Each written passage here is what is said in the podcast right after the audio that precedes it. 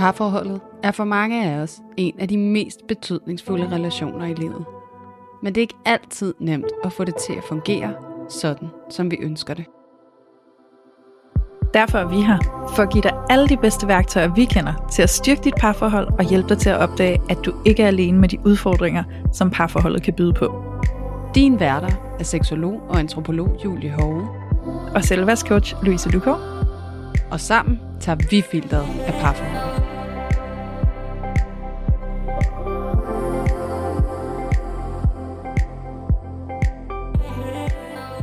Hej og rigtig hjertelig velkommen tilbage til Parforhold Uden Filter. Nu er vi klar med et nyt afsnit, og i dag med en gæst, som vi har haft med før, og det glæder vi os sindssygt meget til.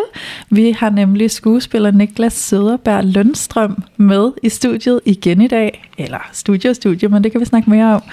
Øhm, inden at jeg lige kaster bolden over til Niklas, så har jeg lige lyst til at sige hej til dig, Julie. Hej til dig, Louise. Og øh, det kan være, der er lidt delay, når at, øh, vi skiftes. Øhm, og det er der også en god grund til. Ja, Ja. Præcis. Så hvis mig og Julie lyder lidt som om, vi sidder sådan og pingponger på en eller anden mærkelig måde, så er det fordi, vi gør det. Vi sidder og deler som en mikrofon lige nu, fordi vi sidder nemlig hjemme hos vores gæst og optager, fordi vores studie var ikke ledigt i dag, og sådan må det være nogle gange. Men Niklas er altså ikke den eneste gæst, vi har med i dag. Vi har en anden ekstra gæst med, som vi glæder os til også at introducere, men det synes vi faktisk, at Niklas skal have lov til, og det er der en særlig grund til. Men først og fremmest lige hej til dig, Niklas. Hej, I to. Og velkommen tilbage. igen. Jo, tak Ja. skal I have. Og i lige måde. Og øh, kunne du have lyst til at introducere, hvem vi også har med i dag? Ej, men det vil jeg rigtig gerne, Ja. fordi det har jeg jo glædet mig til. Øh, tak fordi jeg må være med igen. I dagens anledning, der har jeg taget et specielt menneske med. Et øh, menneske, som står mig meget nær. Et meget, meget sødt, smukt, intelligent menneske. Jeg kan sige rigtig, rigtig mange positive ting om den her person. Øh, hun er min kæreste og min forlovede. Hun er mor til mit barn, og så er hun et af de absolut sjoveste mennesker, jeg kender. Hun hedder Line Kirsten Nikolajsen. Og så er hun også øh, ja, alt muligt andet. Jamen, jeg er bare stille nu, for jeg vil bare lade dig tale. Men jeg håbede Sige virkelig, du alle de ville, der positive ting, du siger, du kan Ah, sige shit, om jeg håbede, du ville øh, afbryde mig på et eller andet tidspunkt. Jeg kunne sige mange positive ting. Det gør jeg ikke. Du sidder bare og sværer til dig med de Ja, gode, flotte Bare ord. kom med. Hun Ja. har også rigtig flotte øjne. Mm. Og hej til dig også. Ja, Oscar. og hej til dig, Line Kirsten. Og Hej. velkommen til her i vores podcast. Tak. Ja, så er du på besøg hos os. Du laver jo også selv podcast. Mm. Så nu får du lov at være gæsten i den her runde i Det hvert er fald. bare dejligt. Ja.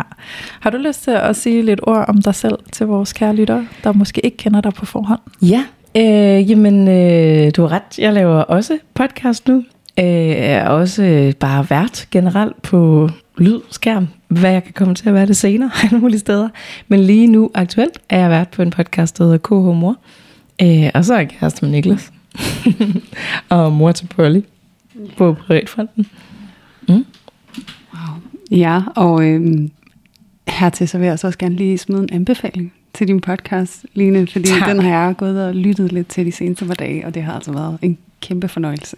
Tak skal du have. Så øhm, lyt til KH Mor, hvis det er noget, der føles relevant for jer, hvis de så også står i en eller anden form for identitetsforvandling, krise, hvad det måtte være i forbindelse med det at blive mor, og i længes efter at blive spejlet lidt Mm. i, hvordan morrollen kan se ud på alle mulige måder. Fordi det er jo det, du taler om. taler med kvinder, som har gennemgået det at blive nogens mor, Ja, og hvad det har gjort ved dem. Ja, præcis. Den handler ekstremt meget om, hvad det gør ved en øh, kvindes, er det jo primært identitet og øh, at blive nogens mor. Ikke så meget om børnene, som det ellers handler sindssygt meget om, når man bliver mor, men meget mere om, om mennesket, moren. Præcis, præcis. Og nu er jeg jo også selv mor, Mm. så øh, bare det at lytte til det, der er mange ting, der har været meget genkendelige. Og, øh, Ej, hvor dejligt. Ja, og virkelig rart også at blive spejlet i. Så jeg mener det virkelig, når jeg siger en kæmpe anbefaling. Tak, at det er jeg mega glad for, du siger. Ja. Og jeg er mega glad for, at du laver den podcast, fordi det er sindssygt vigtigt. Ja, Ja, og øhm, jeg har egentlig lyst til også lige nu her sådan i, i optrækket, og så lige komme med en lille rettelse. Mm. Fordi Louise, du siger jo velkommen her i vores podcast. Men øh, vi sidder faktisk hjemme hos jer, ja, Ja. det er rigtigt.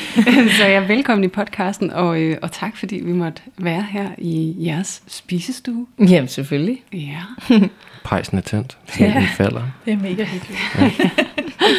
præcis. Øhm, ja, så her sidder vi jo, og øhm, det gør vi jo fordi, at da vi havde dig med, Niklas, så var det jo virkelig, virkelig rørende og rart og spændende og interessant at høre din fortælling om, hvordan det har været øhm, at blive far, at blive Pollys far og være Lines kæreste, og jo særligt, øh, hvor vi zoomede ind på den periode, hvor at du, Line, blev ramt af stress, som der er så mange, vi ved, der sidder og lytter med derude, kan spejle i, at enten de måske selv har været ramt, eller har haft nogen tæt på dem, som har været ramt. Og hvordan det kan være sindssygt svært at navigere i. Mm. Og stå der i sådan en livskrise, endda samtidig med, at man bliver nogens forældre. Så det var derfor, vi rakte ud til dig, Niklas, fordi vi tænkte, hvis du ville komme og sætte nogle ord på det, så ville det være så gyldent. Og det gjorde du. Og det Jeg satte alle mulige ord på, ja. så mange ord, ja. og det var helt fantastisk. Og, øhm, og så endnu bedre, så da du ligesom kom hjem, så skrev du, ved du hvad, vi kunne godt tænke os at, øh, at lave en, en med en mere. Ja, kunne vi lige sidde her sammen, og så tale om det også. Og det var vi jo hurtige til at respondere på og sige ja tak til, fordi det ville da alt andet Bød lige du også til? Ja. Jo, det gjorde han, det gjorde. Niklas. Den, den, okay, den tager vi bare. Ja. Ja. I får ret, jeg får fred. Ja. Ej, det er jo så spændende at få lov at få det fra jer begge to, fordi vi havde jo dig inde i vores serie, der hedder Mændenes parforhold uden filter, fordi vi synes, det er vigtigt, at mændene også får en stemme i alt det her med Ja. følelser og parforhold. Ikke? Så det der med, at nu kan vi så tage den fra en, en anden vinkel, hvor det både er dig, Line, men også jer sammen. Mm. Øhm, og jeg er også sindssygt nysgerrig på at høre fra din side af, Lina, fordi jeg ved jo, at der har været en masse ting også for dig i forhold til at blive mor. Mm. Øhm, men også at stressen kommer på spil, men også at du oplever den her form for identitetskrise, der lige pludselig kommer på besøg mm. i forbindelse med at blive gravid og blive mor. Ikke? Øhm, så synes jeg kunne være spændende at snakke om også i forhold til, hvordan er det inde i parforholdet, når sådan nogle ting sker, ikke? Altså sådan, mm. hvordan I har stået i det sammen. Så det er jo vildt spændende, at vi skal åbne op for den samtale. Men, men vi skal jo huske noget, Julie. Vi er så tit ved at glemme, at vi skal lige lave en lille parforholdsstatus, fordi uh, det er Ja. vores format her. Mm. Øhm, så Julie og jeg, vi laver lige en parforholdsstatus, og så kunne vi godt tænke os også at lige høre jeres, og den kan I jo så vælge, om skal øh, være en fælles, eller om det egentlig vi laver hver for sig. Kigger Det- altså, jeg glæder mig- øjnene på hinanden. ja. Nu, nu kan jeg, jeg var jo med sidste gang, I også lavede en, da jeg var med selvfølgelig. Ja. Øhm, jeg, er meget, jeg er meget spændt på at høre, hvordan det går med jeres tos øh, parforhold. Mm. Øhm, og så er jeg også meget spændt på at lave en parforholdsstatus, Ja. med, med til min kæreste i rummet. Nu kan I sidde derovre og jeg sådan lige reflektere lidt. Du har bare at sige, at det går godt. Jo, men det ved vi jo. Altså generelt er det mig, der siger, det går godt, og der siger, det går dårligt. det kan vi snakke om, når vi tager den status. Okay. Ah, det lyder spændende. Det er lige før, I skal lave den hver for sig, så vi kan få lov at høre de to versioner ja, jeg der. tror lige, vi skal gå ud i to sekunder. ja. Men, øh, men Julie, vi skal lige starte, og jeg har jo lyst til så at spørge dig, hvad er Ja. din parforholdsstatus den seneste uge? Oh, det kan jeg godt sige noget om. Øhm, jeg vil lige sige, jeg glæder mig helt vildt meget til at høre over fra den anden side af bordet, hvordan at det står til, fordi det lyder som om, der er et mønster. Øhm, så det er jo virkelig interessant. Så bliver vi analyseret Ja, af terapeuterne. Ja. ja, ej, det bliver rigtig spændende, og jeg skal selvfølgelig nok, øh, det vil være tageligt at sidde her og bede jer om at udlevere noget, øh, hvis ikke jeg også lige selv gør det først. Øh, så den seneste uge i mit parforhold, den har været øh, ret god. Ja, vi har haft sådan en, øh, en og det er jo det der, det, det, altså dem der lytter med her, de er også begyndt at se et mønster, det er jeg helt sikker på. Det er sådan noget, det er sådan noget lige pludselig føler arbejdet rigtig meget, og så er vi gode til hver især at gå ind i vores lille skildpaddeskjold på en eller anden måde, og så coexister vi på en eller anden måde, og så Øh, reconnecter vi igen, når der ligesom er rum og plads til det, og det, det føles naturligt. Øhm, så på den måde er det ikke sådan nødvendigvis konfliktfyldt, når der ikke er den der forbindelse, men måske bare sådan mere still water, øhm, som jo er ret normalt. Øhm, men sådan helt konkret, så var jeg faktisk i parterapi i går. Øhm, det var dejligt. Det var også frustrerende. Ja, fordi at øh, i mit parforhold, ligesom i alle mulige andre parforhold, og særligt når man har været sammen i lang tid, så øh, kan der godt være nogle konflikter, som kan gå hen og føles sådan repetitive, og øh, også komme til et punkt, hvor det, undskyld, hvor det kan føles sådan lidt uløseligt. Altså man går lidt i hårdknude det samme sted hver gang, og siger, okay, det er her vi kommer til, vi kan ikke komme længere. Og øh, det som min kæreste og vi så har aftalt, det er, at øh, det kan ske. Så øh, det vi gør, når det sker, det er, at vi siger, det er lige her, vi har brug for hjælp. Vi har lige brug for en, der hjælper os til at komme ud af den her hårdknude. Så øh, det gjorde vi i går. Og øh, skæbnen ville sig, at øh, vi fik forbildet os ind i den her hårknude, og så var tiden gået. Og så øh, blev vi ikke rigtig hjulpet ud. Øhm, som nogle gange også det, der kan ske i en parterapi, og særligt når man lige er der første gang, og terapeuten skal lære os at kende, og vi skal også lige føle en tryghed ved terapeuten. Så tingene ligesom kunne dukke op undervejs, og så er det vi rigtig nåede der til, så var tiden altså gået. Så. Men på trods af, at vi fik forvildet os ind i den der knude, så øh, da vi gik ud derfra, så fik vi kigget hinanden i øjnene, og så grinte vi lidt af det og sagde, det var sgu da også bare typisk, var. det var det her, vi ville have hjælp til. og så er det der, vi får lov at gå ud af døren, ikke? Øhm, og så kunne vi egentlig på en eller anden måde finde hinanden i det, at det var lidt tragikomisk, og, og så grinte vi af det hele vejen hjem i bussen, ikke? Og, øh, og så købte jeg lidt slik til ham, da jeg var over at handle, og, og så var det som om alting var fint, og så tager vi den til næste parterapi, ikke? Så øh, ja, så det er sådan min uge, at øh, der er god, ret god forbindelse, og øh, så er vi også i gang med at arbejde på noget, som kan føles fastlåst. Ja, det er det, jeg vil sige. Så ja, hvad med dig, Louise? Ja, vi sidder her, mig og Julie, og deles om den her mikrofon, så vi skal sådan lige gå til og fra, øhm, så det kan I måske fornemme derude, der, når I lytter med. Men øhm, ja, parforholdsstatus for mit vedkommende den seneste uge, jeg sidder sådan og bliver sådan helt nervøs, for sådan, åh, jeg har ikke noget at sige, og jeg føler, jeg skulle kunne sige et eller andet. Men jeg tror egentlig bare, det er et, øh, altså et symbol på, at at lige nu, der tror jeg egentlig bare, at tingene er lidt neutrale, eller hvad man skal sige. Altså, vi har det egentlig bare meget godt. Øhm, vi er begge to meget travle med nogle projekter i vores virksomheder, øh, så jeg sidder inde i spisestuen og fylder det hele med smykkeproduktion, og min kæreste, han sidder inde i kontoret og fylder det hele med julemandens posthus, som han sidder og pakker breve til. Øhm, og det er egentlig meget interessant, for det er meget vores hverdag lige nu. Så det er sådan, vi sidder i hver vores ende af lejligheden og råber til hinanden, sådan, går det godt, og hvad laver du? Og Ja, så, øhm, så det er vi meget optaget af, og så støtter vi hinanden i den proces. Øh, kigger lige ind til hinanden i ny og næ, og sådan, går det godt? Ja, det går godt, okay. Så, øhm, så der, altså, der, der er virkelig ikke så meget at berette, føler jeg. Det, det er bare hverdag, og vi hygger os og støtter hinanden i det, vi laver.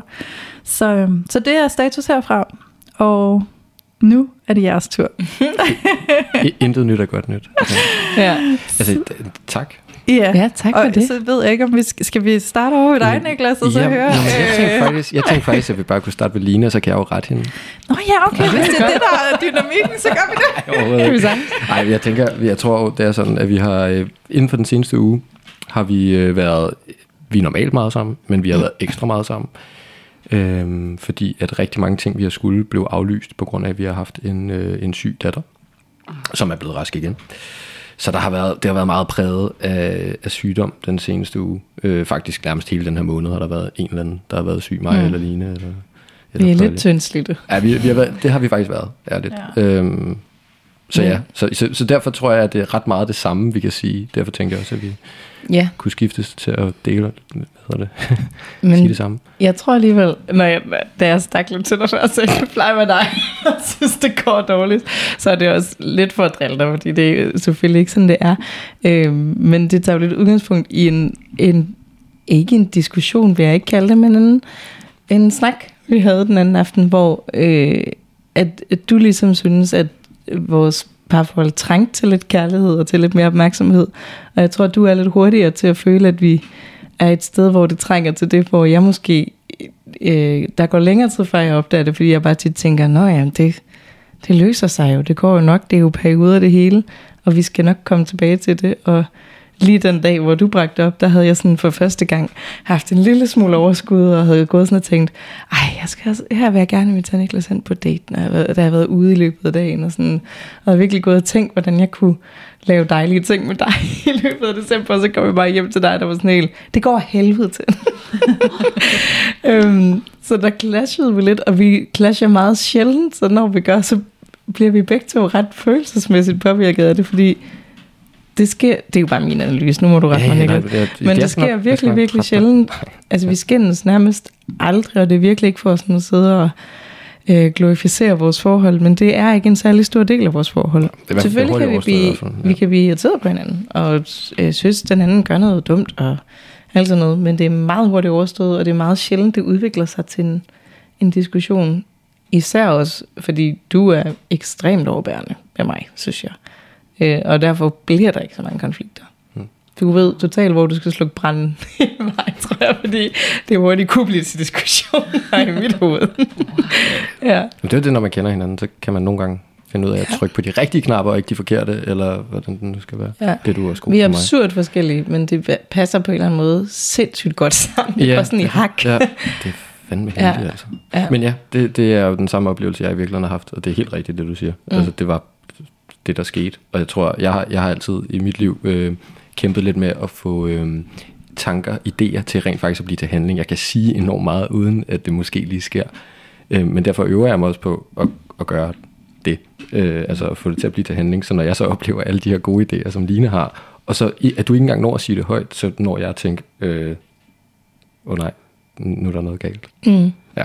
Men det er jo også fordi, når det så ikke får... Altså, nu har vi været syge nærmest hele november. Altså, så jeg tror, at du... Mm, min analyse er, at du måske nogle gange har meget mere behov for sådan udtalt kærlighed og berøring, og mm. at man er nære og ligesom gør nogle kæreste ting, hvor At jeg du kan, hellere vil være helt stille. Nej, men jeg kan, jeg kan måske gå lidt længere i mit eget space, før jeg har brug for den optankning. Og med det sagt, har jeg jo ekstremt meget brug for din nærhed. Altså, men det er på forskellige måder, vi har brug for det. Altså, Lavede du ikke engang en video, der hed Kæreste med dig selv? jo, det, Altså, også- det er lidt det, der sker. Wow, Det er der sjovt. kom du lige hen. Ja, Ja. ja, nej, det, var, det, det, var, det var sjovt. Ja. Nej, men du, du har helt ret. Det Ja. er, det er meget det. Og det, som jeg faktisk også kan huske, jeg snakkede om i podcasten sidst, øhm, i, i jeres podcast, øh, der, der skete der så også det, at jeg fik sagt noget i den her situation, som faktisk lød lidt hårdere, end det egentlig var, hvis jeg lige pludselig ligger inde i sengen, og vi ligger ved siden af hinanden, og jeg får sagt sådan noget, det, det her går af helvede til. Og jeg, jeg kan ikke huske præcis, hvad jeg sagde, men jeg er ret sikker på, at det lød sådan ret Dong! Ja, det, jeg tænkte, aflys brylluppet. Nu går han mig. Øh, og jeg vil gerne lige understrege til både dem, der lytter, og jer, der sidder i den her stue, at jeg skal giftes med Line.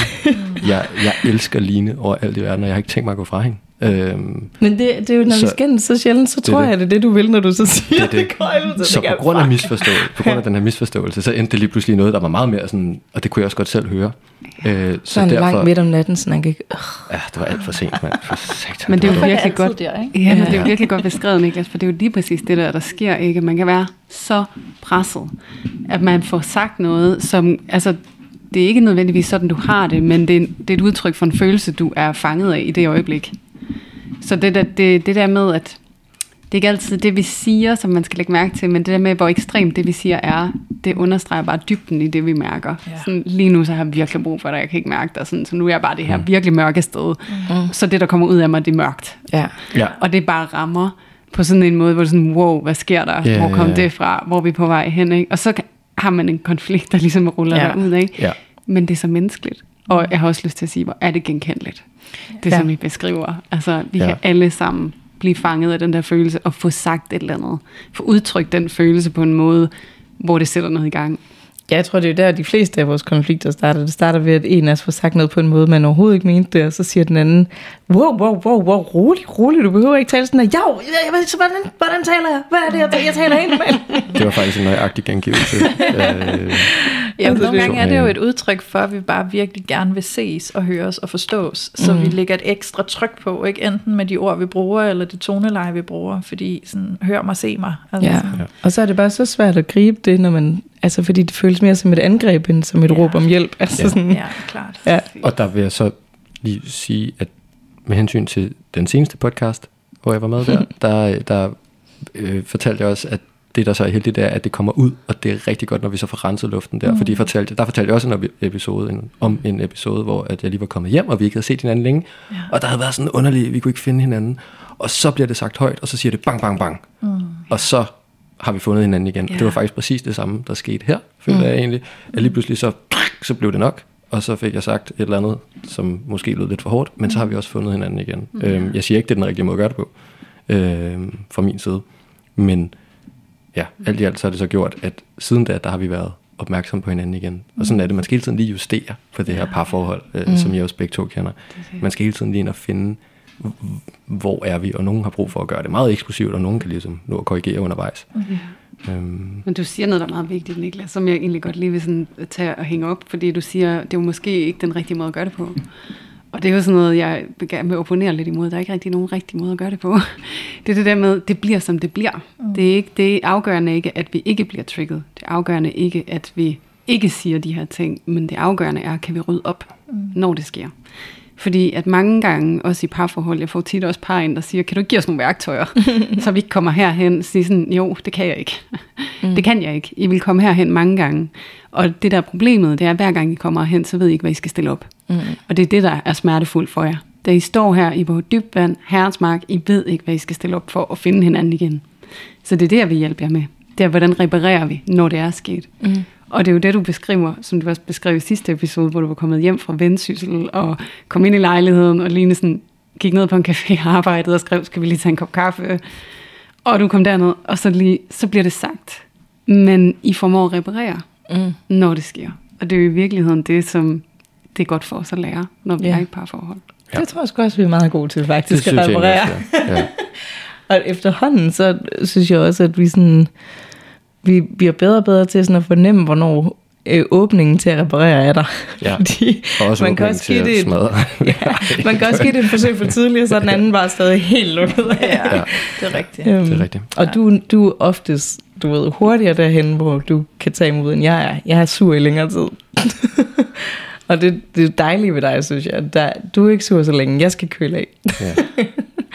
Ja. Okay, så du får dit rum til faktisk sådan lige at gå og processere det, du har brug for. Ja, jeg kan ikke svit, altså jeg kan simpelthen ikke skifte over så hurtigt i følelser. Nej. Hvis jeg først ligesom er i noget, så har jeg brug for lige at være der færdigt. Mm.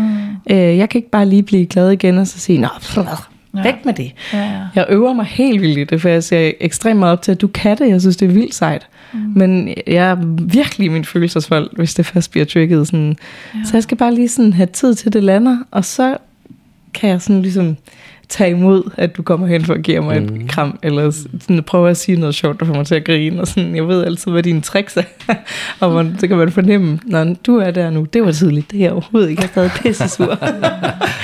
øh, og heldigvis synes jeg også, at vi er bedre til sådan i talsæt, ja, ikke lige nu, jeg skal lige dampe bag, alt er okay, jeg elsker dig, jeg skal bare lige dampe bag.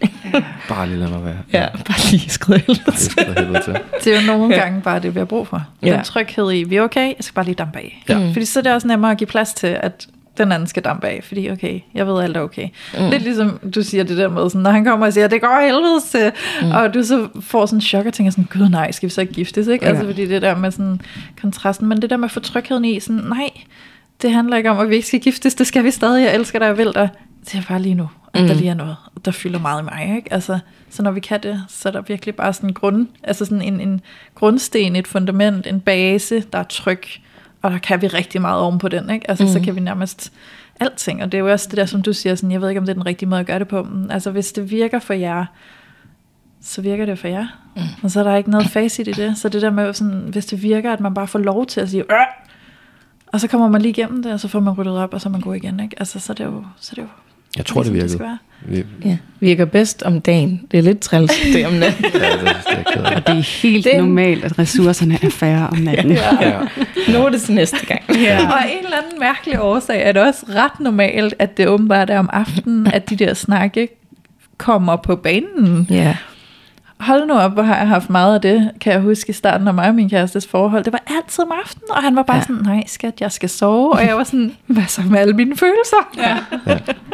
ja så tror skal jeg, jeg, har også ligesom sådan en aftale om, sådan, man skal ikke lade solen gå ned over sin vrede. En gang imellem sker det, men vi vil helst ligesom rense luften, ja. inden ja. vi går i seng. For så ved jeg godt, Ja, jeg, jeg renser tit om natten, men du kan godt vågne op sur stadigvæk.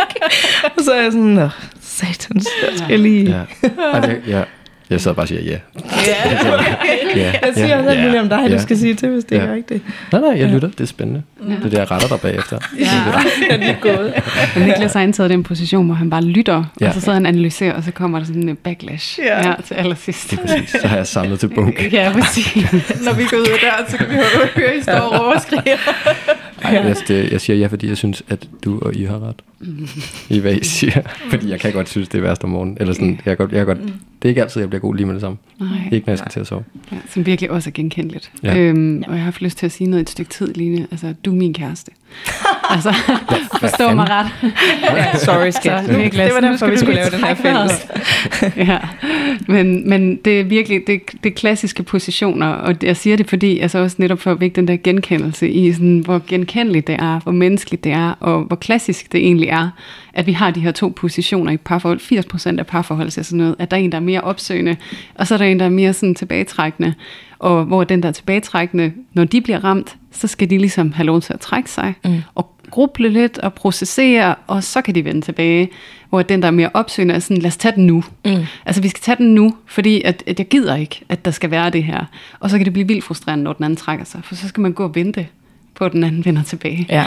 Og det er nogle gange det, der kan være med til at opskalere en konflikt. Ja. Hvis man så ikke har gode erfaringer med, hvordan regulerer jeg mig selv, øh, lige her, hvor jeg skal gå og vente lidt på, at min partner vender tilbage til mig. Mm. Fordi ellers så kan man blive ved med at presse på, og så er det, vi har en eksplosiv konflikt lige Ja. pludselig. Så, og det er jo der, hvor det lyder som om, at der er alligevel en god båndbredde hos jer Ja. to. Til sådan, jeg er pisse træt at jeg skal vente. Jeg vil gerne have det løst nu, men jeg kan godt. Mm. Altså sådan, verden går ikke under, fordi at det er sådan her, det skal være. Og der, der kigger jeg over på dig, Niklas, også bare lige for at høre sådan, hvordan er det egentlig for dig, der hvor at, at Line måske har mere brug for lige at trække sig og lige gruble, og hun holder lidt mere fast i det, end du gør. Ja, hvordan, hvordan er det for mig? Øhm, det, det, det er meget forskelligt. Det kommer jo selvfølgelig an på, hvilken situation man er i, og hvor stor øh, konfrontationen eller problemet, eller hvad ved jeg har været, eller hvor træt man er, eller hvor træt af det, man er. Mm. Øhm, de fleste gange, der, altså, det er jo ikke noget, jeg lader som om, at nu spiller jeg glad. Øhm, jeg prøver bare lige at slippe det, og enkelte gange, enkelte gange, der kan jeg godt mærke, okay, nu tvinger jeg den lige igennem, fordi jeg ved, at det hjælper. Og andre gange, der, øh, der er det jo bare, okay, så videre, jeg ved, at vi bliver gode igen. Altså, øhm, og jeg ved også, nogle gange kan jeg også faktisk blive skide irriteret over, at jeg ved, at jeg bliver god igen. Nogle gange kan jeg også godt tage den længere, end den egentlig er, fordi at du skal ikke grine. øh, nej, men nogle, øh, nogle gange kan man godt have sådan en følelse af, jeg, jeg mener faktisk det, jeg, jeg har en følelse lige nu af, at det her, nu snakker vi kun om negative ting, ikke? Men, men altså lige nu, det der, du lige sagde, eller gjorde, eller den måde, du gjorde det der på, det pisser mig af. Og jeg synes simpelthen, det er skide besværligt, og det gør du bare lidt for ofte. Og derfor synes jeg, det er irriterende. Så det irriterer mig. Men nu kan jeg mærke, at jeg ikke er sur på dig. Nu fik jeg det sagt. Jeg ved, Niklas, mand, kan du ikke bare lige være sur lidt længere? Altså, fordi at det, det, er faktisk noget, der er irriterende, men okay, nå, så bliver jeg nødt til at slippe det. Men Øh. jeg er mega nysgerrig på det, du siger, det der med sådan irritation over, at du ikke er sur lidt længere. Hvad handler det om? Hvad er det, du... Jamen, det er bare det, er det der med, at man gerne vil understrege, at det her synes jeg faktisk er irriterende. så er du bange for, sådan, nu laver jeg gåseøjne, ikke? at hun slipper for lidt, og ikke sådan fanger øh, budskabet, eller hvordan? Ja, måske en lille, en lille smule. Ja. Øhm, men det, altså, det er jo en, en virkelig positiv ting, fordi hvis jeg virkelig var sur, jamen, så skulle jeg nok blive ved med at være det. Ja. Altså, så nogle gange kan man bare godt få den der lyst til, kunne jeg ikke lige øh, få lidt mere ballast i den her øh, holdning eller mening, øh, som jeg måske lige har lige nu? Men jeg tror også, altså du er så sjældent sur, faktisk, og så sjældent øh, irriteret over ting, hvilket jo også er noget, vi snakker meget om. Men det gør også, at når du så siger det, så behøver du faktisk ikke at understrege det mere, fordi det er rigeligt tydeligt. Bare de 10 sekunder, du så er irriteret over noget, så ved jeg godt. Ah, det var hurtigt. Ja. Nej, det var så overdrevet. ikke? Men så ved jeg jo godt, det er alvor, når Ja, ja, du faktisk ja, ja, ja, siger det ja, højt. Ikke? Fordi det, så, du siger ikke, de ikke alvors ting højt. Nej. Så det, du siger, det ved jeg, det skal jeg lytte efter. Ja. Og det er sjovt med de ting, jeg siger også, det, altså i forhold til det med sig, det minder mig, det minder mig sådan om vores, øhm, nok vores første og største skænderi til dato. øh, som vi, at du ved, det var en meget, meget åndssvag konflikt. Øh, som, vi også, alvorlig. som vi godt kan grine af i dag, men det, det ender ud i sådan, ligesom at jeg er gået ud på toilettet for at græde, fordi jeg græder meget, når jeg bliver sur. og du vil ikke have Niklas skal se det, selvom du ser mig græde hele tiden, men når jeg er vred, så er jeg sådan, get out of my space. Øh, og står egentlig derude og tænker, øh, nu går jeg en tur, for jeg har brug for at trække mig fra den her situation og gå meget vredt. Og i det, jeg sådan beslutter mig for at gå ud og tage mit overtøj, så kan jeg høre, at døren går, og så er Niklas gået. og så når jeg bliver sådan, fuck, nu har, han har taget mit trick. Altså sådan, og når også at blive dobbelt sur på Niklas over, at han har trukket sig. Nu bliver jeg sådan, hvad, hvad laver du? Det er mig, der skal trække mig. og du beslutter mig så for, at sådan, så er jeg nødt til at gå en endnu længere tur. End så jeg går mega vredt i, i, så lang tid, at jeg tænker, Nå, men han er kommet hjem nu, for at sige, så, så sur bliver han. Han trækker sig ikke så længe. så det var sådan for mig en, en konkurrence i at trække sig, jeg var sådan, ja jeg kan næsten ikke have, når det er Niklas, der trækker sig. Altså, jeg kan slet ikke overføre det sådan til mig selv. Jeg synes, det er skrækkeligt, når du trækker dig. Altså, jeg kan slet ikke være i det der med, hvis det er mig, der er blevet god igen først. Ja. og det er jo så tavligt, fordi jeg lader dig svede, når jeg skal trække mig. Men, øh, men jeg kan slet ikke sådan kapere det. Jeg går bare sådan og, sådan, nu er gået fem minutter, er du god igen nu? Altså, kan jeg fikse det med et kys? Øh, hvad, hvad kan jeg gøre for at gøre dig god igen? Det det. Og ja. man kan sige, det er jo også det, når det er Niklas, der trækker sig, så er det jo afmagten, du er parkeret mm. i. Ja. ja, og det har jeg så svært ved. Og jeg, det, det, jeg fornemmer nogle gange, at du er meget bedre til sådan at være i, i det, fordi du ved, at jeg bliver god igen. Ja, ja, ja. ja. Du viser i hvert fald ikke, at du synes, det er så svært. Nej, det er rigtigt. Du ved, det er jeg ved ikke, om du faktisk synes. Nej, jamen, nej, jeg tror, du har ret. Ja, jeg, jeg synes, sad bare og tænkte, ja. Ja, nå, undskyld. Nej, nej, nej, det, jeg var, øh, okay. jeg sad og lyttede, ja. ja. Men jeg synes, det er virkelig spændende, det du fortæller om her, Lena, fordi det der med, sådan, så var han gået, og det plejer jo at være dit træk, mm-hmm. så hvad skulle du nu gøre? Nå, så må jeg gå en længere tur, så han kan se, at jeg ikke er hjemme, når han kommer hjem. Ja. Og jeg kan ikke lade være med at tænke sådan, hvis jeg skal prøve at spejle det ind i mig selv, når jeg selv har haft en reaktion, så det er jo fordi, at jeg viser os noget ved at gå. Mm. Jeg fortæller dig noget ved at gå. Ja. Og det kan jeg ikke få lov at fortælle dig, hvis du er gået. Men så kan Nej. jeg prøve at fortælle dig det ved at komme senere hjem end dig. Ja. For du skal mærke mit fravær, for det har et budskab. Ja. Er det, er det, altså spejler du i, hvordan jeg har oplevet det, eller sådan, kan du prøve at lukke os lidt ind i? Ja, jeg tror, altså det er jo, det er både sådan en, jeg har, jeg har brug for luft fysisk, mm. og jeg har brug for at bevæge min vrede ud, for der er så meget i mig nu, at jeg ikke kan være i mig selv. Og så tror jeg jo også, at det er noget, jeg sådan, måske har set mine forældre bruge, altså det der med at gå fra en situation. Og normalt synes jeg ikke, man skal gå fra en konflikt, men den her konflikt var også kørt så langt ud, at vi, vi var ligesom, der havde været det turning point, hvor vi begge to vidste sådan, der sluttede den, og jeg tabte i øvrigt. Altså, det var mig, der tabte den, fordi det var mig, der endte det et dumt sted, du ved. Man kørte så meget op, at til sidst var jeg sådan, vi, vi kiggede på hinanden og vidste godt begge to sådan, nå, og jeg, du vidste, jeg vandt. Og jeg var sådan, jeg. Ja. Og, og du, du ved, vi har aldrig de her skænderier, faktisk. Altså, det, det er en af de eneste gange, vi har haft det, og normalt har jeg aldrig lyst til at gå. Det er slet ikke noget, jeg gør, med mindre jeg kommer så langt ud. Og der kunne jeg mærke, at jeg gik i sådan i barndom på en eller anden måde, ja. fordi jeg løb også hjemmefra, når jeg blev sur ah, som lille. Ja, okay. Altså, så rejste jeg ud og boede ved min mor og morfar. Nå, ja. Så det var totalt sådan et afmagtsgreb i virkeligheden. Ja, selvfølgelig. Men det er jo for at vise noget. Ja. Det er for at vise, nu forlader jeg lige dig. Ja, det... Fordi du skal mærke, at jeg faktisk er sur nu, yes. og jeg mener det, og du ved ikke, om jeg kommer tilbage. ja, og så kan du tænke lidt over det. Ja. Du, skal, du skal opleve, hvordan hverdagen er uden mig. Ja, du skal mærke, fem, at jeg, når jeg ikke er der. Ja, ja præcis. Ja. præcis. Bare gå ned til rundt hele, ja. og så tilbage. Okay. Det, åh, det var hårdt. Ja. Jamen, det er jo ikke, det er ikke sjovt at være ja. uvenner, og det er også Nej. derfor, at det, altså det er det virkelig ikke. Det, det er aldrig sjovt, Nej. om det er øh, folk, man kender bedre end alle andre, eller om det er folk, man faktisk nærmest ikke kender, så det er aldrig specielt spændende at være uvenner, synes jeg i hvert fald. Nej, det synes jeg ikke. Øhm, jeg kunne være nysgerrig på noget, øh, om I kunne være villige til at dele, ligesom, hvad var det, der var triggeren her i det her enormt... Vi seriøst gerne høre det. Fordi det, det, det må jeg gerne. Fordi at også for alle dem, der lytter med, det der med, igen, det er også lidt at tage filteret af, at nogle gange ja. I siger, at det var et latterligt skænderi. Men i virkeligheden det der med netop at gøre det meget konkret, altså hvad er det, der kan udløse de her strategier, de her velkendte ja. strategier, der hvor vi føler, at vi kommer til kort, det er afmagt, det bliver kæmpestort, og det er fordi, 10% af konflikten er det, der reelt set sker mm. mellem jer to, og de 90%, det er alt det, I har mere. Ja. Altså det er såret, og det er der, hvor at man går, og man lukker sig ude, når man græder. Det er alle de gamle erfaringer, der vælter ja. ind over os igen. Ikke? Og det her var 100% sådan en situation. Ja. Altså det var, det, det var første gang, jeg oplevede, at du sådan trådte ned i sådan et sår.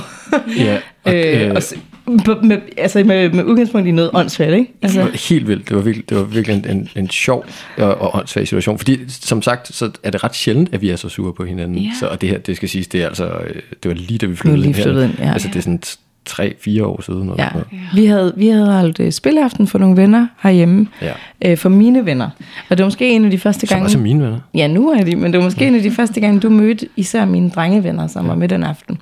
Øh, og vi spiller meget sådan nogle øh, spil som Varulv, og sådan nogle, du ved, hvor man får en hemmelig rolle, og så skal man finde ud af, hvem der er den onde. Mm. Og det spiller vi den aften, Varulv, og øh, det er også første gang, vi spiller sådan et spil sammen måske. Er det? Ja. Ja. Og du bruger ligesom undervejs sådan et trick med øh, at sige, at du, det handler om at gennemskue, hvem der lyver. Og du siger sådan et eller andet med, at øh, du kalder mig ud for et eller andet, og siger sådan, jamen jeg kan, jo, jeg kan se, at du lyver, det kan jeg altid. Og jeg, jeg kan ikke engang huske, hvad det helt præcist er, der bliver sagt, eller hvordan det er. Men øh, du træder over en jeg, grænse. jeg kan godt, jeg kan, kan godt, du det? Jeg kan faktisk, jeg kan godt huske, for det var det, jeg sagde. Ja. Og det, der så sker, er, at øh, du kigger på mig, fordi at jeg rent faktisk i det her specifikke tilfælde havde ret i det, jeg sagde. ja, du havde helt ret. Line rent faktisk løg. Hun var, hun var, hun var skide god til at spille der, så jeg, jeg skulle bruge alle mine knep for at vinde. Ikke? Mm. Øhm, og Lines modtræk er at sige til mig, undskyld, snyder du? Jeg sidder Og du, kigger, kigger du min sidder- kort? Sidder du og kigger, sådan noget i den stil, ikke? Ja. Havde du åbne øjnene, mens man skulle have lukket Ja, ja, et eller andet i den stil. Og det blev jeg skide irriteret over. Så jeg får sagt... Jeg kunne ikke begribe, hvor god du var. Ja, det var det. Jeg var skide Du god. måtte have snydt. Og det var ligesom der, den startede, så, så jeg får sagt... Og, nej, der kan jeg faktisk ikke huske, hvad fanden det var, jeg sagde til dig. Det kan du sikkert Nej, du bliver, du bliver sur over, at jeg skylder dig for at snyde, og jeg bliver sur over, at du har gennemskuddet mig, og at jeg synes, du kalder den på en tavlig måde. Ja. Og det resulterer i, at jeg kommer til sådan at skulle altså sådan, luk, sætte en grænse foran mine venner, som jeg synes var mega ubehageligt. For jeg, kan, jeg synes, noget af det værste er at skulle skændes foran andre. Jeg synes, det er noget, man tager derhjemme. Øh, og jeg synes, du tvang mig ud et sted, hvor jeg til sidst måtte sige, her til jeg ikke længere, stop. Ja, ja. Og mine venner ligesom opdager det og kommenterer på det, fordi sådan er det også i min vennegruppe, vi er så tætte, at det joker man også lidt med, sådan, så må du lige sætte på plads et eller andet, ikke? Og det var så ydmygende, synes jeg, i det øjeblik. Og jeg ved, du har gjort nul for at ydmyge mig, det vil du aldrig gøre. Nej. Men lige i det øjeblik følte jeg mig så ydmyget, og jeg følte, det var sådan en, øh, tilbage til sådan en øh, hylde mig derud, hvor jeg føler mig lille og øh, føler mig trådt på. Ja. På baggrund af ingenting, ikke? Men det var sådan nogle dynamikker, der lå mellem os, der hvor vi også havde været lidt irriterede, tror jeg, på hinanden, og I don't know.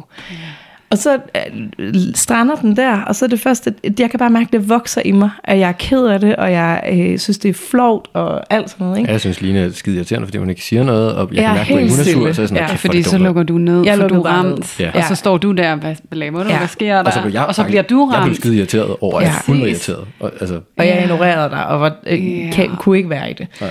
Og så er det først, at de er gået, at sådan, du ved, nærmest tegnesagtigt, det de lukker døren, vender jeg mig bare om og sådan, hvad fanden laver du?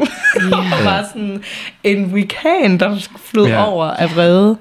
Øh, og det, det tror jeg sådan, der er egentlig ekstremt meget temperament i mig, men det, det har slet ikke været sådan i udbrud i mit voksenliv. Nej. Fordi det tror jeg egentlig, jeg har lært at tøjle det ret meget. Og jeg tror altid, jeg har forventet, at øh, når jeg fandt en kæreste, jeg sådan skulle øh, være sammen med og giftes med, så ville det også blive et forhold, hvor man skændtes, og hvor man turde lade vreden løbe over med sig, fordi det, det er det, jeg kender, og det er det, jeg er vant til, og det er ufarligt egentlig. Mm. Altså, man må godt skændes. Ja. Og det gør vi bare aldrig. Og så tror jeg, at det kom som sådan et chok for mig, at det lige pludselig flød over, ikke? Øh. Og så lige ja. der, hvor, at jeg, og hvor dine venner sidder der, ja, og kan se det. Altså fordi du også siger, at der er noget, jeg hader skænderier. Ja. Jeg hader, at det er til, til skue for andre. ja. Altså, det lyder som om, det var helt vildt sårbart. Det var mega sårbart. Og du blev mega overvældet Ja. over, hvor sårbart det var Ja. at sidde der og mærke, at der er en konflikt lige nu, og alle kan se det. Ja. Og med tanke på, at du sagde, at der, hvor du blev så vred, og du græd, så gik du ud på badeværelset og lukkede døren. Mm. Som jo virkelig er et stærkt udtryk for, det var først efter... hvor privat det er et Ja. eller andet Ja. sted for dig. Og Ja. så sad du der. Det, det var også, øh, det var svært at lukke Niklas ind i, fordi så længe havde vi heller ikke kendt hinanden. Nej. Og vi var stadig, det, er det er jo en evig proces, at vi Ja, er lærer en hinanden at kende. Jeg ved ikke, men vi havde kun kendt hinanden halvandet år. Og det er jo ikke lang tid at kende et andet menneske, og vi kendte slet ikke hinanden i den der situation. Altså jeg lærer dig ting om dig, hver gang vi har en konflikt, så synes jeg, at vi lærer noget nyt om hinanden, som er helt vildt rart. Altså så sent som den konflikt, vi havde sidste uge, der lærte jeg nogle ting om dig, jeg ikke var opmærksom på. Måske vidste jeg det godt, men det, at du selv satte ord på, var sådan enormt rart i forhold til min forståelse af dig, og jo også i forhold til ikke at såre dig i et skænderi næste gang. Øh, og det sårbare er jo at give de der ting til dig, fordi jeg nogle gange, øh, jeg er vant til, at når man giver noget sårbart til andre, så kan de bruge det imod dig. Så derfor skal man være ekstremt påpasselig med at lukke folk ind. Øh, men efterhånden stoler jeg så meget på dig, jeg stoler 100% på dig, at det ikke føles farligt at lukke dig ind i det sårbare og omvendt jo egentlig også, at jo mere vi giver til hinanden, jo bedre kan vi ligesom øh, træde, når vi skændes, fordi vi egentlig aldrig har en intention om at jorde hinanden, hvilket jeg synes er enormt rart, når vi skændes, at jeg ved, der er en tryghed i, du jorder mig ikke. Mm. Det, er, det er reelle konflikter, vi skal have løst, men det bliver aldrig tavligt, synes jeg. Ikke bevidst i hvert fald. Get, er, Ja. ja. Genkender du det, Ja. eller er det helt mærkeligt, Nej, det jeg du, siger? du har helt... Du har sidder helt og griner lidt, nemlig. Har men jeg været tavlig? Nej, ja. Jeg har gjorde du. dig. Nej, overhovedet ikke. Du, Ja. ja. Jeg synes ærligt, at du har, øh, at du har helt ret. At det er den der tryghedsfaktor, Ja. og den håber jeg, øh, at mange mennesker oplever i et forhold. Ja. At man kan være, føle sig tryg nok. Og det er jo ikke altid, man kan det. Ja, tryg nok til faktisk at skændes, ikke? Lige Jo, præcis. Ja, jeg synes, Lige du, for, præcis. du formidlede virkelig fint lige det her. Jamen, du er Øh, god. ja, det var, så, det var så godt. Virkelig gode ord, du fik sat på. Og jeg har også lyst til at gribe det her, du siger med, sådan, at det er en evig proces, det her med at lære hinanden at kende. Mm. Fordi nu har jeg lyst til at spore det lidt ind i netop det her med, at I er blevet forældre sammen. Det er jo Mm. også at lære hinanden at kende ja. på ny, fordi man skal opleve noget nyt sammen, og man skal stå i noget nyt sammen. Øhm, og så samtidig med, at du faktisk også er i en proces, og det har du sikkert også været, Niklas, med at skulle, altså dig, Line, at, mm. at gennemgå identitetskrise i, en eller anden, i et eller andet format, ikke? Jo. Og så, altså, så, så jeg står også og laver mig selv at kende på ny, og skal forstå, hvem jeg er nu i det her. Kan vi prøve at spore samtalen derhen og sætte lidt ord på det? Mm. Altså sådan, fordi jeg tænker, det, det, for mig bliver det sådan, wow, der er mange faktorer, som I har stået med på én gang. Så nu er vi færdige med parforholdsstatus. Det var en helt perfekt idé. Ja, man kan sige, at det udviklede sig jo. Ja. Ja. Og det er jo, Ja, at, det er der er også noget der med, igen, vi, vi slår hårdt på, Louise, at det er en intuitiv samtale. Ja. Ja. Og lige der, så bragte de noget op, som er så genkendeligt, at det vil være nærmest at snyde alle, der lytter Ja, med, ja, ja. Hvis vi ikke får det en lille smule ud. Også det der med, at nu sidder I her som par. Mm. Så det her med, det I har beskrevet lige nu, er jo virkelig en god base for vores lyttere og for os til at forstå, hvad er det for et mønster, I kan lande i, mm. når I bliver presset. Ja. Jamen så ved vi, hvem er det, der trækker sig, hvem er det, der er mere opsøgende, og hvordan løser I det hver især. Mm. Og så med tanke på at kigge ind i nu, der kommer Polly Ja. ja. for halvandet år siden, og så kommer der altså også en stresssygemelding. Mm. Og vi ved, det her det mønster, det er noget, der kan tage jer, og bring- tage jer væk fra hinanden, så jeg ved ikke, om der er en af jer, der sådan lige kan mærke, jeg vil gerne mm. sige noget her, men om I kunne folde det ud, hvad, hvordan var det? Jeg tror i hvert fald, at øh, jeg synes, mm, jeg tror, jeg har brugt det ord en gang i dag, men det at få et barn er virkelig en fremkaldervæske på rigtig mange måder. En hvad? En fremkaldervæske. En fremkaldervæske. På mange er måder. det godt sagt. Ja, det er det. I, I alle mulige aspekter. Men i forhold til et forhold, vores forhold kan jeg jo kun snakke ud fra, synes jeg også, det er ligesom, nogle gange i nogle situationer har forstørret dem, vi er i vores forhold. Øh, at jeg synes, at du, er, du har vist dig som en helt fantastisk far og kæreste, altså sådan, som jeg ved, du, du er. Du vil gå virkelig langt for, at jeg har det godt, og for at Polly har det godt. Øh, og går også langt over, altså sådan, ej, jeg vil ikke sige, at du går over dine egne grænser, men du offrer virkelig dig selv i mange sammenhænge for, at andre har det godt, og det beundrer jeg virkelig ved dig. Øh, så jeg synes, altså alt det, jeg virkelig ser op til dig, det synes jeg bare kun er blevet større af, at- at Polly er kommet, fordi at det er så ekstrem en situation, hvor man, også som den, der er født et barn, har mere behov for sådan omsorg, og at nogen ser en og hører en, og altså omvendt synes jeg også, at Øh, øh, når jeg ser på mig selv, synes jeg mest, det er min dårlige side, der er blevet forstærket, fordi jeg har været presset. Øh, så jeg synes nogle gange, jeg er blevet en endnu mere træls kæreste. Altså sådan, jeg synes 100% du er den gode kæreste i vores forhold. Og jeg skal sådan ah, spurt for at følge med nogle gange, og sådan leve op til, hvor god du er i det. Øhm, fordi jeg tit bliver den, altså den, der kortslutter lidt, og sådan, øh, og derfor tror jeg også, der bor sådan en frygt i mig, i at du lige pludselig opdager det, faktisk. Øh, og især efter vi har fået altså Polly og hele den her stresssygemelding, hvor jeg bare følte, ej undskyld, jeg bliver meget berørt af det. øhm, men hvor jeg bare har følt, at det er mig, der har taget og taget og taget og taget, og haft meget lidt at give igen. Og jeg ved jo, at, at jeg, jeg skal nok give det igen på et tidspunkt. Mm. Men det, det kan være helt vildt svært at stole på, at, at du også ved det, og du mærker det. Og i og med, at du gerne vil giftes med mig stadigvæk, så tænker jeg jo, at, at, du, at der er lang løbbane, og det ikke er et regnskab. Øhm, men... Åh, oh, der kom vi lige ind til Åh, noget ja, rigtig svært, faktisk, Det er synes meget, jeg. det er meget rørende, Men er meget faktisk- forståeligt. Så siger jeg bare lige, at øh, grunden til, at det er så rørende, det er fordi, at det du lige gav mig, det var en meget stor kærlighedserklæring. Så ja, jeg Ja. det. Ej, undskyld. Jeg Og får det- tuder i alt jeg med. Ja, Niklas. Hvor er det godt at se også, at du giver Line en hånd. ja. Hvor intuitivt det er. Altså, hvor stor kærlighed der er. Det er så intuitivt lige at række ud og give en Ja, hånd. ej, sorry. Jeg, jeg, jeg er så tyndsligt i de her dage, så der skal ingenting til. Og. Vi har haft Øhm. sygt barn, og I er så tyndslidte, og her sidder I bare lige og bliver prikket fuldstændig på maven af os to. Det bliver en giver god skide god podcast. det Ja. Ja. Og Ja, Niklas, ja. jeg, jeg Ja, blev ja. så optaget af, hvordan var det lige at høre det? Helt fantastisk. Jeg skulle, lige inden at du begyndte at blive rørt, så skulle jeg til at sige, at øh, jeg havde ikke lyst til at sige noget. Du har bare ret i alt, hvad du siger. Ja. Især det der med, hvor god jeg var. Det kunne jeg ikke. Åh, oh, men hvor ville det være rart lige at høre det senere Ja, okay, alligevel. men så vil jeg gerne sige noget alligevel. Øhm, det var, øh, det var det, det er nogle helt vildt rare ting at høre. Øhm, og det skal også siges, at jeg har også hørt tingene før. Øhm, nogle af dem, i hvert fald de fleste. Øhm, det er ting, som jeg godt ved, og det er jo også derfor, at jeg gør det, som jeg gør. Øh, Det, lyder, det er jo ikke, fordi det er en investering overhovedet. Det er ren lyst, fordi at jeg ved, at jeg øh, er i det forhold, jeg er i, med den person, jeg gerne vil være i det forhold med. Øh, så på den måde er, er jeg slet ikke i tvivl om den gengældte kærlighed og den offrelse, der ligger i forhold og sådan noget. Der, mennesker er jo også forskellige, og jeg er øh, på nogle punkter meget en pleaser og en fixer, ved jeg, øh, hvilket kan være skide besværligt og irriterende, synes jeg selv. Øh, men jeg er jo også sammen med Line gennem sådan noget her, øh, som jeg egentlig ikke engang ser som en, en krise eller noget af den stil. Det har bare været en periode, øh, som har været lidt hård.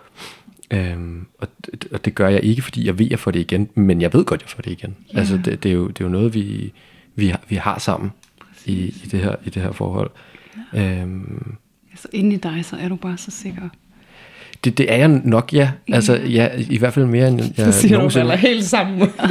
Og det er også noget af det, du sagde sidst du var her. Det var jo Ja. faktisk det her med, at du har været i mange forhold. Ja, Men det her forhold, du har aldrig været i et, der var så trygt. Og Nej, hvor du har bare en følelse af, at det virker.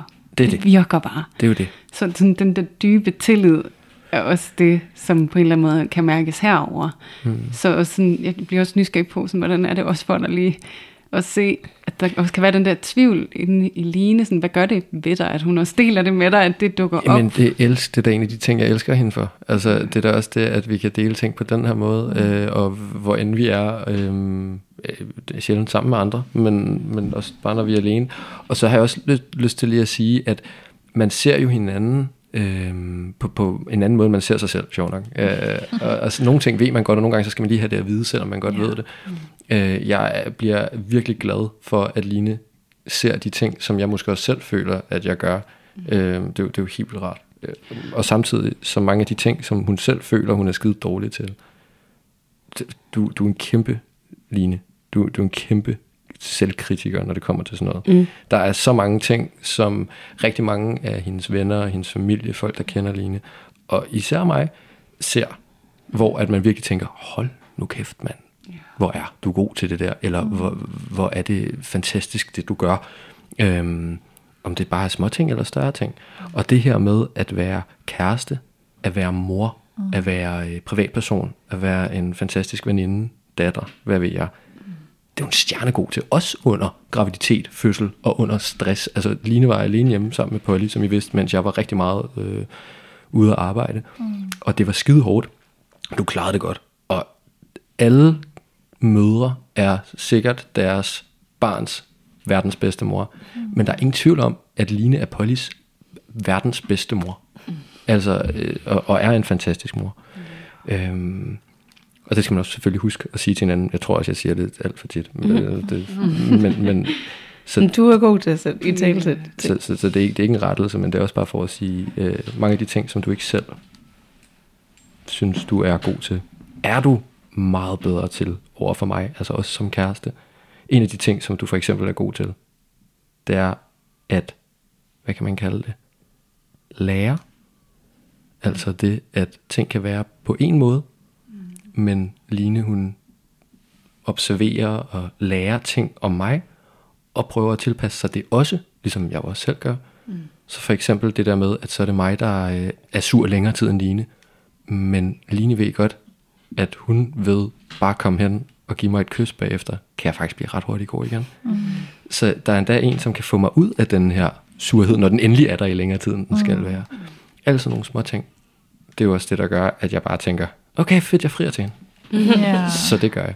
det forstår jeg godt. Øhm, Ja, og hvis jeg ikke øh, havde gjort det for nogle år siden, så, så havde jeg sgu gjort det nu live i den her podcast. Øh, ja, det forstår jeg. Det er et mega var- rørende øjeblik, det ja, her. det er det der. Et, et heldigvis langt rørende øjeblik, fordi der sker så mange rigtig fine ting imellem jer to lige nu, sådan heroverfra set i hvert fald.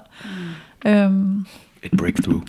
ja, Et nyt stadie. Nej, mange af de her ting, det er jo ikke fordi vi, fordi vi, vi kommunikerer os ekstremt meget, selvfølgelig, mm. så vi ved jo mange af de her ting egentlig, og jeg har jo også en tryghed i, at jeg jo ved, du ikke går. Altså, jeg har det på samme måde. Jeg har aldrig været i så trygt et forhold, som det her er. Men jeg tror også, det er det, der nogle gange sådan hylder mig ud af den. Øhm, fordi det tror jeg også, jeg har fået sagt et par steder. Det er ikke for sådan at skulle sidde og være sådan et offer eller noget som helst. Men jeg tror, at min grundindstilling i mange sammenhænge er, at folk ikke kan lide mig. Og det er noget, jeg virkelig ah, gennem øh, mange års terapi har arbejdet ekstremt meget med. Men det er jo også noget, der bor inde i mig. Det har jo ikke noget med Niklas at gøre. Mm. Fordi Niklas har ikke gjort andet, øh, end, at, end at vise mig, at, at han og andre kan lide mig. Du gør så meget ud af at fortælle mig, at folk godt kan lide mig. øh, fordi du godt ved det her om mig. Ja. At jeg går ind i en social situation og tænker, øh, hvad gør jeg forkert? Øh, hvordan, øh, det, det var sikkert mig, der var årsag til, at de var sure, eller et eller andet. Præcis. Øh, så, så jeg tror også, at, at når den der usikkerhed rammer i at have taget og taget og taget og taget, taget så er det fordi, at jeg slet ikke er vant til, at man kan tage så meget, og at, at øh, nogen så bliver hængende. Ja. Øh, så selvom jeg jo, en stor del af mig har en kæmpe tryghed i, at det bliver du, så kan jeg også tænke, det, er- det er simpelthen for godt til at være sandt. Ja, det kan godt sådan, at, at du stadig er her, at du stadig griber mig, og at du igen i dag vil høre om min identitetskrise, og vil høre om, at jeg øh, har det helvede til op i hovedet, og det bliver ved, og Ja. du tager imod det, når jeg siger, bliver det nogensinde godt igen, og igen og igen minder mig om, at det gør det, Hmm. og det skal nok blive godt. Øhm, Det men at du også har mod til sådan at sige, at du savner et gladeline. Selvom du ved, det gør ondt på mig, når du siger det, så er det jo så er det godt, at Mm. du... Som altså også er her ret tit, skal det lige siges. Ja, Øhm, ja, jeg kan ja. godt savne. Det Ja. lyder det som om, at du er i dårlig humør hele tiden. Og sådan noget. Det, det, det, er du overhovedet ikke. Nej, Men det er jo det der med at kunne sige det. Jeg savner glæde Line, og så også vide, at det kan ramme noget. Mm. Fordi at på indersiden, så er der et pres. Ja. Der lever et pres, og der skal ikke ret meget til at blusse det op på en eller anden måde, mm. det jeg hører. Og jeg kan ikke lade være med at sidde, Line, også bare lige sådan kontekst, også fordi jeg bliver nysgerrig. Mm. Jeg ved jo også, at du voksede op i en familie, hvor du også har mistet din søster. Ja. Så du er også vokset op i en sovrem familie, Mm, ja. hvor ja. at der har været så mange følelser, og så lige der kan man også have svært ved at tro på, er der plads til mig? Mm. Og hvordan skal jeg udtrykke mig her? Og hvordan skal jeg holde det ovenvende, fordi det er så mørkt, og det er så Ja. trist, så jeg skal gøre alt for, at det er godt. Og det kan blive til sådan en identitet, som bare kan ligge og presse en mm. på indersiden i voksenlivet. Jeg ved ikke, om du kan genkende det. Jo, det kan jeg, men med det sagt, altså, så har mine forældre jo virkelig også gjort et sindssygt stykke arbejde i sådan ja. at få mig godt igennem det.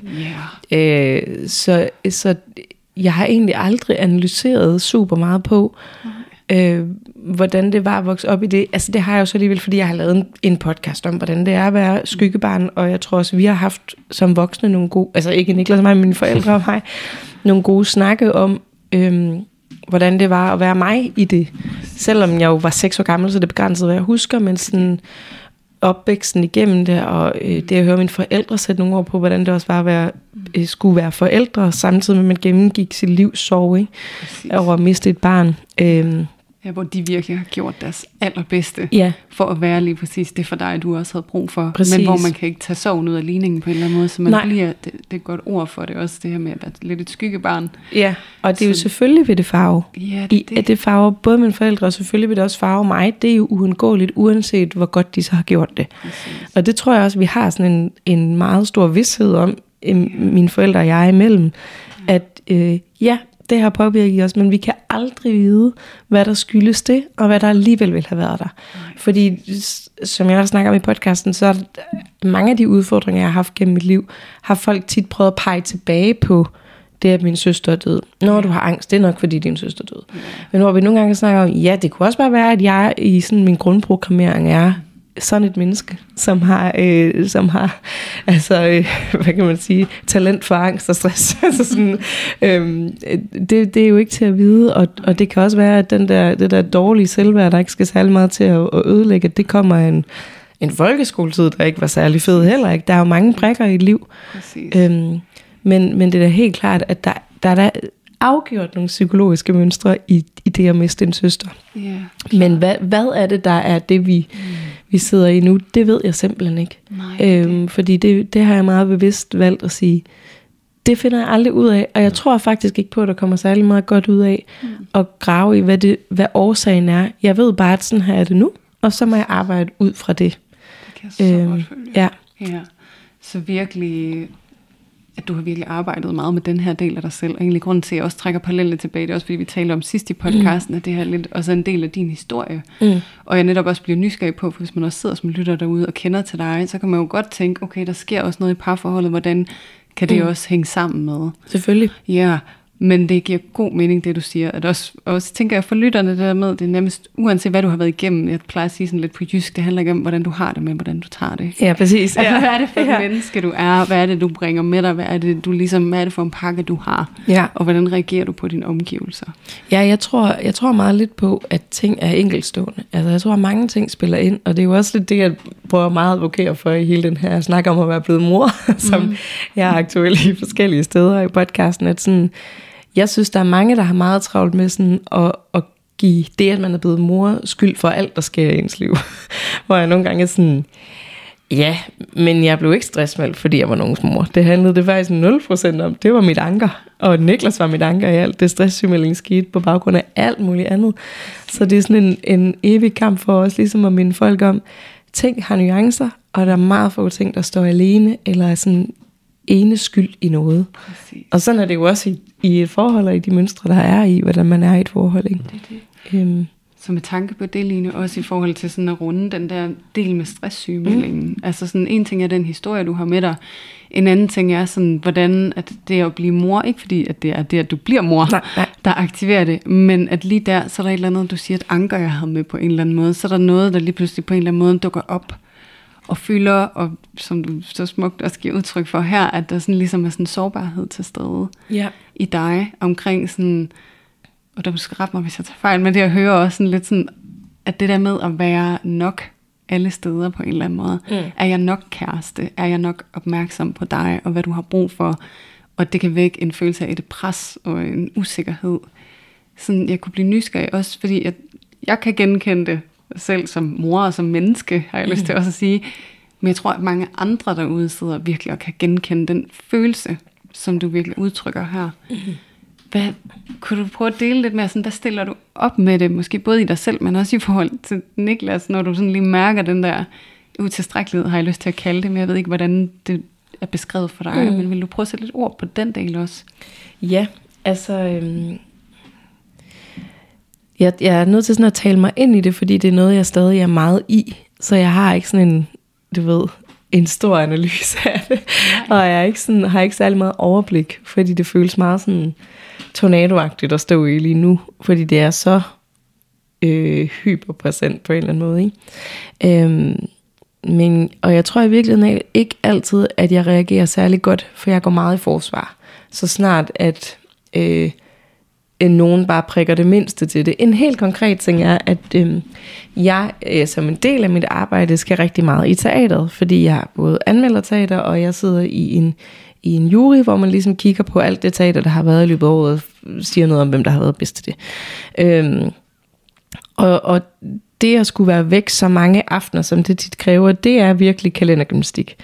Og det tror jeg, jeg er meget vant til, fordi min kalender altid har været ekstremt fyldt, og jeg har været sådan en, der havde mange aftaler på en dag, jeg tog fra det ene til det andet, og lige da vi mødte hinanden, der var det også noget med lige at presse dig ind mellem to aftaler, 10 minutter, så tog vi lige en drink, og så videre, ikke? Altså, øhm, og, og samt, altså, samtidig med det fik vi jo tid til hinanden, og alt sådan noget, men, men det var et travlt liv, Øh, så det er ikke så skræmmende for mig med kalendergymnastik. Og øh, nogle gange så kan det godt virke som om, at det for dig, øh, Niklas, kigger på dig, øh, er mere sådan en, en orker-ting, lige at skulle sådan sætte sig for overblik over en kalender, og faktisk også noget, du ikke synes er så fedt at låse din kalender fast så langt frem, som jeg kan lide det. For du kan rigtig godt lide, at der er plads til den der spontanitet. Og en, retter mig, hvis jeg Du siger er noget helt forkert. Ja. Øhm, så når du ligesom nogle gange øh, styler, når jeg kommer og, putter og siger sådan, øh, jeg skal have de her fire ting for den her uge, og du i virkeligheden for at passe på mig siger sådan, er du sikker på, at du skal det? Men også for at, at ligesom sige, hey, jeg vil også gerne have noget tid med dig, og skal vi ikke også lige have en aften sammen i sofaen og sådan noget? Så, øh, så kommer jeg meget hurtigt til ikke at høre det som den kærlighedserklæring, det er, men i stedet for, så går jeg i forsvar og føler, at du angriber mig, og sådan øh, prøver at kontrollere, og ja. det ved jeg godt, du ikke gør. Så det er inde i mig, og det er åndssvagt, men, øhm, men jeg, jeg mangler stadig sådan, altså det er jo bare fordi, det, det bare skubber til den der følelse af at være utilstrækkelig, og, øh, og den der sådan frihedsberøvelse, det jo på nogen måde er at få et barn, ikke? fordi man i lang tid er bundet af sit barn. Det føler jeg nu egentlig, vi har været helt vildt gode til at give hinanden den frihed, og ret hurtigt få etableret et liv, hvor vi et gør ting sammen og tager på date, og heldigvis vil Polly gerne passes, og det, det benytter vi os af. Hun er mega glad for sine bedste forældre, ikke? og vi har den mulighed, vi er så heldige, øhm, men også ligesom at give hinanden luft til at tage ud og lave nogle ting, vi ved gør hinanden glade, og teater er et kæmpe frirum for mig, så jeg synes også, vi er nået til et sted, hvor det er blevet rare, når jeg kommer og siger, øh, jo, jeg har lige så så mange aftaler.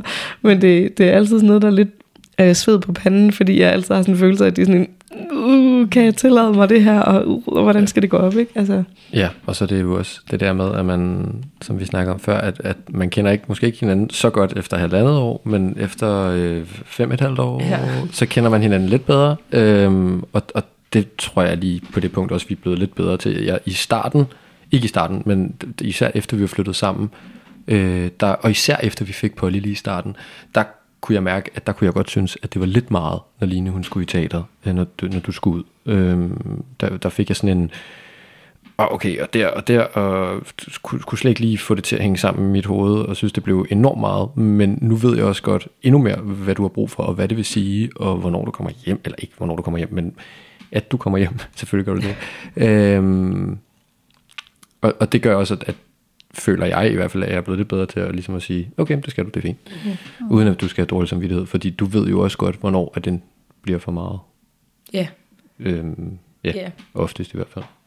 ja, jeg tror i virkeligheden, det at vi begge to har sluppet lidt i de der, det gør, at, Ja.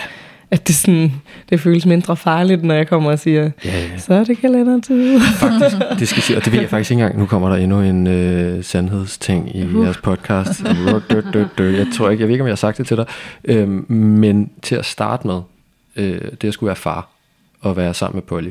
Jeg følte egentlig, at jeg havde ret godt greb om det. Jeg har altid glædet mig til at blive far, og jeg har følt mig relativt tryg i det. Der er bare noget i mit hoved ved det her med at være mor. At man, der er man bare et og alt for det her barn. Øhm, og for eksempel sådan noget med at give flaske. Vi var relativt heldige med, at hun gerne ville tage flaske, da Line stoppede med at amme. Eller øh, det var half-half på et tidspunkt. Undervejs, ja. men, undervejs men, men det var ikke det var ikke hver gang. Og jeg tror faktisk, der boede en lille angst i, når Line tog væk om aftenen, for teater ligger sjovt nok altid om aftenen. Der er hjemme måske hele dagen. Øh, men skulle afsted om aftenen, Polly skulle sove, så kunne jeg faktisk godt være bange for at være alene med Polly, fordi at jeg følte, at det var et ansvar, som jeg var bange for at have. Simpelthen fordi, at jeg var ret bange faktisk for at gøre noget forkert over for et af de mennesker, som jeg nu elskede højst i hele verden. Øhm, altså min lille datter. At jeg gjorde noget forkert over for hende, eller jeg ikke kunne få hende til at slappe af, eller ikke kunne få hende til at spise. Øhm, det kan jeg nogle gange i sjældne tilfælde stadig have. Øhm, jeg har intet problem med at være alene med hende, og jeg har været rigtig meget alene med hende. Øh, det har vi begge to prøvet, fordi det er man jo som forældre. Øhm, men især i starten, i løbet af, jeg vil måske sige det første år, der, øh, der kunne jeg faktisk godt være en lille smule angst for at, at, at være alene med hende herhjemme, når hun skulle sove, eller være alene med hende i en, en, en hel nat, ikke en hel nat, men nogle timer om natten. Simpelthen fordi, jeg var bange for, at jeg ikke kunne være tilstrækkelig over for hende. Og det ved jeg faktisk ikke, om jeg har sat specielt meget ord på, øh, at jeg var lidt nervøs for det. Øhm, og det er ligesom forsvundet nu, så det ved jeg ikke, måske også, at det du mærker lidt, at jeg er ikke bange for at være alene med hende nu overhovedet. Øh, jeg, jeg tror også, en af de ting, der ligesom er i det, er dels, at du øh, er blevet tryggere i det, men jo også, at vores hverdag har ændret sig virkelig markant i forhold til, at jeg nu ikke har et arbejde, hvor jeg skal være fra 8 til 15, mere 8 til 16, og så også i teater om aftenen. Altså lige nu har vi jo, er vi begge to freelance og har den frihed, at vi ikke arbejder særlig meget, nogen af os, og, og bevidst. Altså lige nu kommer vores øh, mentale helbred over økonomien. Ja. så vi har jo også valgt at sige, vi har råd til lige at have et par måneder, hvor der er mere luft i kalenderen, og hvor vi jo så er sammen i dagtimerne. Mm. Øhm, og så er det jo så lige, at vi ikke, det ikke skal spolere sig sygdom og alt muligt. Men jeg tror, at det giver en anden ro, at vi, vi jo ser hinanden i løbet af en dag, så derfor føles det ikke helt så voldsomt, hvis jeg også skal i teateret om aftenen. Altså det ja, kan være det eneste, jeg så har et job på en dag, det er at tage derind om aftenen. Ikke? Plus at, igen, at jeg har vidderligt ikke noget øh, problem øh, mm. med at være alene med Polly. Jeg elsker det, og det er hyggeligt at lægge hende i seng, og vi kan, ja, det er bare, mm. der er ikke noget problem. Så derfor gør det heller ikke noget, at du ikke er hjemme i de der sene timer. Og bare lige en lille rettelse. Det er ikke 100% bevidst, at øh, jeg ikke har noget arbejde nej, Nej, nej, nej. men, men vi har ligesom vidst, at der lå ikke lige noget arbejde ja. for dig, og øh, selvom ja. jeg laver noget, så er det meget bevidst, at vi har valgt, at jeg ikke sådan er gået all in på at ja. gå ud og finde noget nyt, fordi vi begge to har haft brug for lige Helt at have ja. tre måneder efter min ansættelse på det her ophørt, hvor der er lidt indkomst fra det, jeg nu har, så vi mm. kan klare os, men, men vi, vi ved godt, at vi ikke bliver rige af de her måneder, at der har vi faktisk bare lige brug for at pleje øh, vores forhold, fordi meget 23 har været mega turbulent, både på grund af øh, sygemelding og mit også, arbejde, ja. og du har været væk meget året. Det er præcis. Så vi, vi havde lige brug for sådan øh, at lande af sådan et mærkeligt ord, men ja. i hvert fald lige at have tid til os. Og så er det jo jul. Ja. ja. Og øhm, tid til bare ja. at give sig selv roen til at være i det også. Ja. Det lyder som om I er gode til at gribe det vindue, der lige står foran jer i hvert fald. Ikke? Mm. Og jeg synes, det er så fint og beundringsværdigt, den måde, I går hinanden i møde på i jeres relation, men også det her med, at I virkelig sådan prioriterer og sige sådan, hey, vi er vigtige, og der, hvor vi kan skrue ned for alt andet, og virkelig give fokus og tid til os, og til vores relation, og til virkelig at arbejde på den, og give den de bedste vilkår, vores mentale helbred der sammen. Det synes jeg er rigtig, rigtig, rigtig fint. Mm. Altså sådan, fordi det viser også, hvor meget indsats I gør for den her relation, ikke? Hvor meget I vil den. Mm. Øhm, ja, så desværre skal vi til at runde af, fordi jeg føler sagtens, vi kunne fortsætte øh, herfra. Øhm, og det har vi jo nærmest gjort fra sidst også, Niklas, hvor vi også kan fortsætte. Jeg har bare fundet sådan nogle snakkeheder. Ja, vi er så meget snakkende mennesker, men, undskyld. Nej, men jeg elsker det. Du skal ikke sige undskyld overhovedet. Jeg elsker det, og I siger så gode ting, og jeg bliver bare nødt til at takke jer for at have været så transparente, så åbne, så villige til at sidde her og vise den sårbarhed, der også kan være til stede i et parforhold, men også at vise, hvordan I griber hinanden, og hvordan I møder hinanden og hvad der er vigtigt for jer at fokusere på arbejde på. Fordi jeg tror på, at det har en kæmpe værdi for dem, der sidder derude, og virkelig kan spejle sig i mange af de følelser og situationer, som I har fremlagt i dag. Mm. Øhm, og forhåbentlig også kan inspirere til, hvordan at man kan møde hinanden. Øhm, jeg håber det. Ja. jeg håber det også. Jeg tror på det. Og, øhm, og så nu, hvor vi skal runde af, så vil jeg jo bare lige give jer mikrofonen, som jeg allerede sidder med og siger, er der noget, I sidder I lige vil have med her på falderæbet? Altså jeg føler, jeg har været enormt enig i, at der er blevet sagt i dag. Jeg har siddet her og siddet og sådan, ja, det er rigtigt, det er rigtigt. Ja, jeg er verdens bedste kæreste. Yes, det er rigtigt. Nej, øh, er der noget, man vil sige? Føler du, jeg har talt hen over dig? Det er jeg altid så bange for at komme til. Overhovedet ikke. Det skal du ikke være bange for. Øh, nej, jeg synes, det, det har været totalt dejligt og skivende for, for mig. Mm og sidde. Det, vi har jo været til en, en terapi i dag. Ej, var det øh, bare det, det er derfor, du har foreslået, for at kunne få gratis Yes, sir. Super smart. smart. Ja. Du er klog nok, Niklas. Ja. Og man kan sige, i forhold til din bekymring, Line, så tænker jeg, at han har jo haft sit helt eget afsnit. Ja, ja, det er også det, han har talt ud. ja. så, så det skal ikke være nogen hemmelighed, at det har været enormt værdifuldt at så høre din stemme her. Øhm, og ikke mindst at se, altså, hvor sårbart det i virkeligheden er og, og være der i livet, hvor øh, I to er, og, og i processen med både at lære sig selv at kende, men mm. også at lære hinanden at kende i den måde, livet nu er blevet helt anderledes på. Ja. Øhm, men jeg får, jeg får lyst til bare lige, undskyld jeg afbryder dig, men bare lige at sige sådan, at, at sådan, i alt det, er det jo faktisk vores forhold, jeg synes er den mindste bekymring. Altså, så øh, når jeg bliver rørt før, det er jo bare fordi, det har vi faktisk ikke snakket særlig meget om, og fordi alt er tyndsligt lige nu. Øhm, altså i virkeligheden, er, det tror jeg, jeg siger mange steder lige for tiden, at sådan, at Niklas og Polly er bare sådan min, mit anker. Yeah. Og sådan en kerne, det er sådan den, det eneste stabile, jeg har lige nu. Så, så altså, det er jo det, det er altafgørende.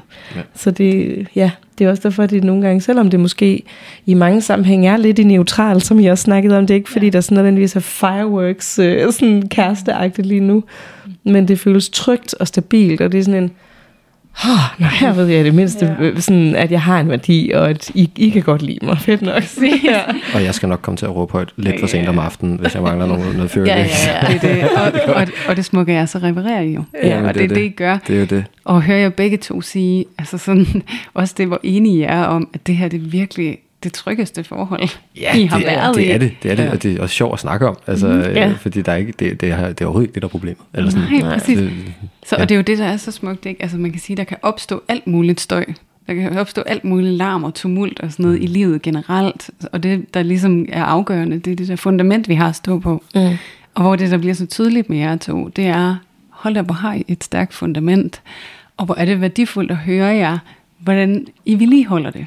Altså, hvad er det, I gør for at have det her fundament, som jo er det, der er så betydningsfuldt for alle dem, der sidder og lytter med, som måske kan spejle sig i den situation, I står i og har stået i. Måske den følelse af presset, følelsen af noget afsavn, alle de her følelser, der kan dukke op, som dukker op. Mm. Helt naturligt.